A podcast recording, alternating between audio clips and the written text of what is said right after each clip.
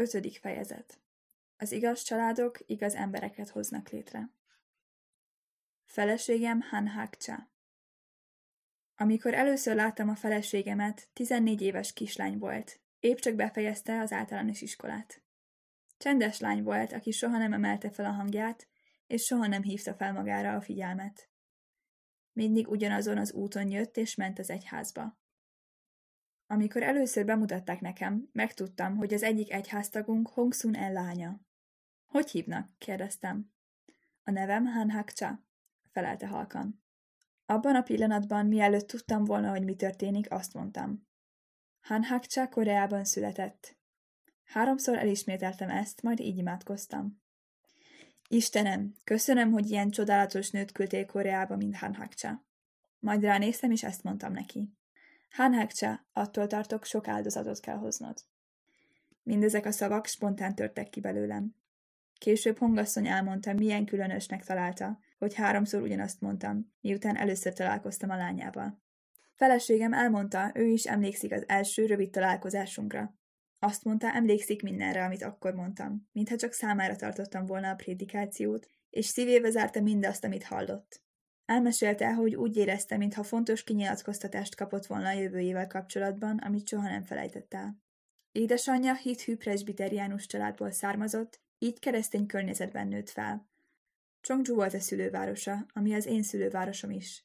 Ő azonban Anjuban élt addig, amíg a koreai háború alatt Dél-Koreába nem jöttek. Amikor Hongasszony először az egyházunkba kezdett járni, komoly hívő életet élt Csuncsomban, és lányát szigorúan nevelte. Feleségem nővérnek tanult egy, a katolikus egyház által működtetett iskolában. Elmondták nekem, hogy az iskola szabályai olyan szigorúak voltak, mintha zárdában élt volna.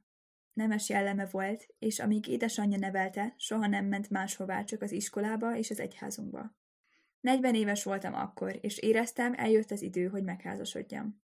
Ehhez azonban meg kellett várnom, amíg Isten azt mondja, eljött az idő, házasodj meg. Chisung Do, egy idősebb asszony az egyházunkban 1959. októberében erőfeszítéseket tett, hogy előkészítse az eljegyzésemet, noha nem volt még mennyasszony jelölt. Egy másik egyháztag, aki hét éve imádkozott feleségért számomra, egy nap azt mondta, álmot látott, amiben Hanhakcsa volt a feleségem. Csi asszony elmesélte egy különös álmát. Miféle álom ez? méltatlankodott. Darvak százait láttam szállni. Próbáltam elhessegetni a karommal, de egyre csak jöttek. Végül fehér tollaikkal teljesen beborítottak téged.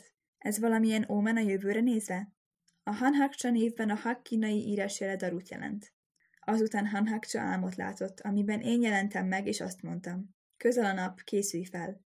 Feleségem később elmondta, hogy álmában alázatos hangon azt felelte nekem, mindez idáig Isten akaratának megfelelően éltem. A jövőben szintén Isten akaratát követtem szolgájaként, akármi is legyen az akarata. Pár nappal azután, hogy leendő mennyasszonyom ezt az álmot látta, megkértem hongasszonyt, hogy hozza el a lányát. Ez volt az első találkozásunk azóta, hogy 14 éves korában hivatalosan bemutatták nekem. Megkértem, rajzoljon egy képet. Habozás nélkül felkapott egy ceruzát, és a rajz kezdett formát ölteni előttem. Meglehetősen jó gondolatot ragadott meg. Megjelenése szemérmes arc kifejezésével valóban olyan gyönyörű volt, mint a szíve. Aznap rengeteg kérdést szegeztem leendő feleségemnek. Minden alkalommal nagy lelki nyugalommal válaszolt. Néhány nappal később hívtam jövendőbelimet, és azt mondtam neki. Holnap reggel házassági szertartásunk lesz. Egyszerűen ezt válaszolta. Valóban? És nem tett fel kérdéseket, nem is ellenkezett. Úgy tűnt, hogy az ellenkezés ismeretlen számára. Ez a lágy és költőjen gyengén ember szilárdan eltökélte magát Isten mellett. 1960. március 27-én tartottuk az eljegyzésünket, és alig két héttel ezután, április 11-én volt a házassági szertartásunk. Szamok vandét viseltem. Az udvari hivatalnokok formális viseletét, amit manapság általánosan használnak hagyományos esküvőkön. A mennyasszony hagyományos koreai öltözetet viselt, aminek része a Jogdori mennyasszonyi fejdísz. A 23 évvel fiatalabb mennyasszony szorosra zárt ajkával és bájos arcával nagyszerűen mutatott. A szertartás alatt elmondtam mennyasszonyomnak, hogy nehéz út áll előtte. Gondolom már tudatában vagy annak, hogy összeházasodni velem nem olyan lesz, mint bármilyen más házasság. Azért leszünk férj és feleség, hogy beteljesítsük Isten adta küldetésünket, hogy igaz szülők kíváljunk, és nem azért, hogy a két egyén boldogságára törekedjünk. mint ahogy mások a világban teszik. Isten el akarja hozni a mennyei királyságot mások számára. Ezen az úton még senki nem járt a történelem során, ezért én magam sem tudom, mi mindennel jár mindez. A következő hét év során sok olyan dolgot tapasztalsz majd, amit nehéz lesz elviselni. Ne feledd egyetlen pillanatig sem, hogy az élet, amit mi élünk, különbözik mások életétől. Még a legapróbb dolgot se tedd meg anélkül, hogy előtte velem megbeszélnéd, és engedelmeskedj mindennek, amit neked mondok. A szívem már eltökelt, ne nyugtalankodj. Láttam az arc kifejezésén, hogy komoly elhatározásra jutott. Nehéz kihívásai már az esküvőt követő napon elkezdődtek. Az első nehézség, amivel szembesült, az volt, hogy nem láthatta édesanyját. Feleségem, édesanyja és anyai nagyanyja mind egyetlen leánygyermekek voltak. Ennek eredményeképpen a kapcsolat anya és leánya között különösen erős volt. Azért, hogy a nyilvános küldetését teljes odaadással felvállalhassa, arra kértem őt, hogy Aszkéta életnek megfelelő módon éljen három évig. Ez azt jelentette, hogy nem láthatta édesanyját vagy bármelyik rokonát három évig. Egy egyháztaktól bérelt szobában élt. Naponta legfeljebb egyszer jött az egyházba, általában este. Azért, hogy ne bontsa meg a rendet, a hátsó ajtón távozott. Gyakran Isten tiszteleteket tartottam, vagy imádkoztunk egész éjszaka, és ritkán voltam otthon, de a szeparációnak nem gyakorlati okai voltak. A szeparáció által a küldetéséhez való feltétel nélküli elkötelezettség szellemi alapját fektette le. A velem kapcsolatos gyalázatos szóbeszédek tovább keringtek.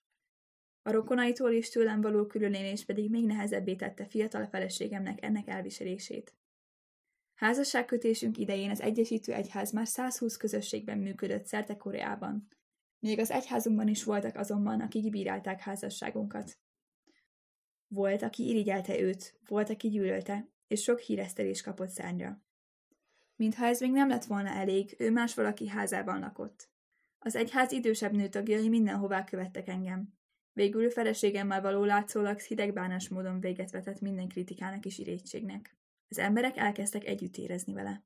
Például sok tag kritizált engem, amikor nem tudtam meglátogatni a feleségem akkor sem, amikor gyermekágyi lázgyütörte, és első lányunk születése után egy fűtetlen szobában didergett. Néhányan azt mondták, hogyan hívhatja magát a férjének? Túl messzire ment, uram, mondták. Ha elvette feleségül, vele kell élnie. Mit művel, még azt sem engedi neki, hogy találkozzanak? A feleségemet korábban kritizáló emberek egytől egyig inkább az ő oldalára álltak. Fiatal kora ellenére elengedhetetlen volt, hogy kiméletlen kiképzésen menjen keresztül. Együttélésünk ideje alatt körülményei könyörtelenek voltak. Soha nem volt egyetlen pillanata sem saját magára. Folyamatosan a határait súrolta, mintha vékony éken járt volna. Ma vajon békés nap lesz? Holnap békés nap lesz? Mivel el kellett érnie az anyai szeretetben Isten normáját, megdolgáltam őt, akár egyetlen rossz szó miatt is. Néha még az irántam való vonzalmának is határt kellett szabnom az ő örökküldetése érdekében. Ez mind szükségszerű volt, hogy igaz anyává válhasson, de biztos vagyok benne, hogy szívének sok fájdalmat okozott. Volt, hogy elmenőben mondtam egy szót, és nem gondoltam bele. Neki azonban minden szavammal azonosulnia kellett, így biztos vagyok benne, hogy nagyon szenvedett. Hét évig tartott, amíg összecsiszolódtunk. Azért mondom el mindezt, mert a házastársi kapcsolatban a legfontosabb dolog a bizalom. Ez teszi lehetővé, hogy két ember egyé váljon.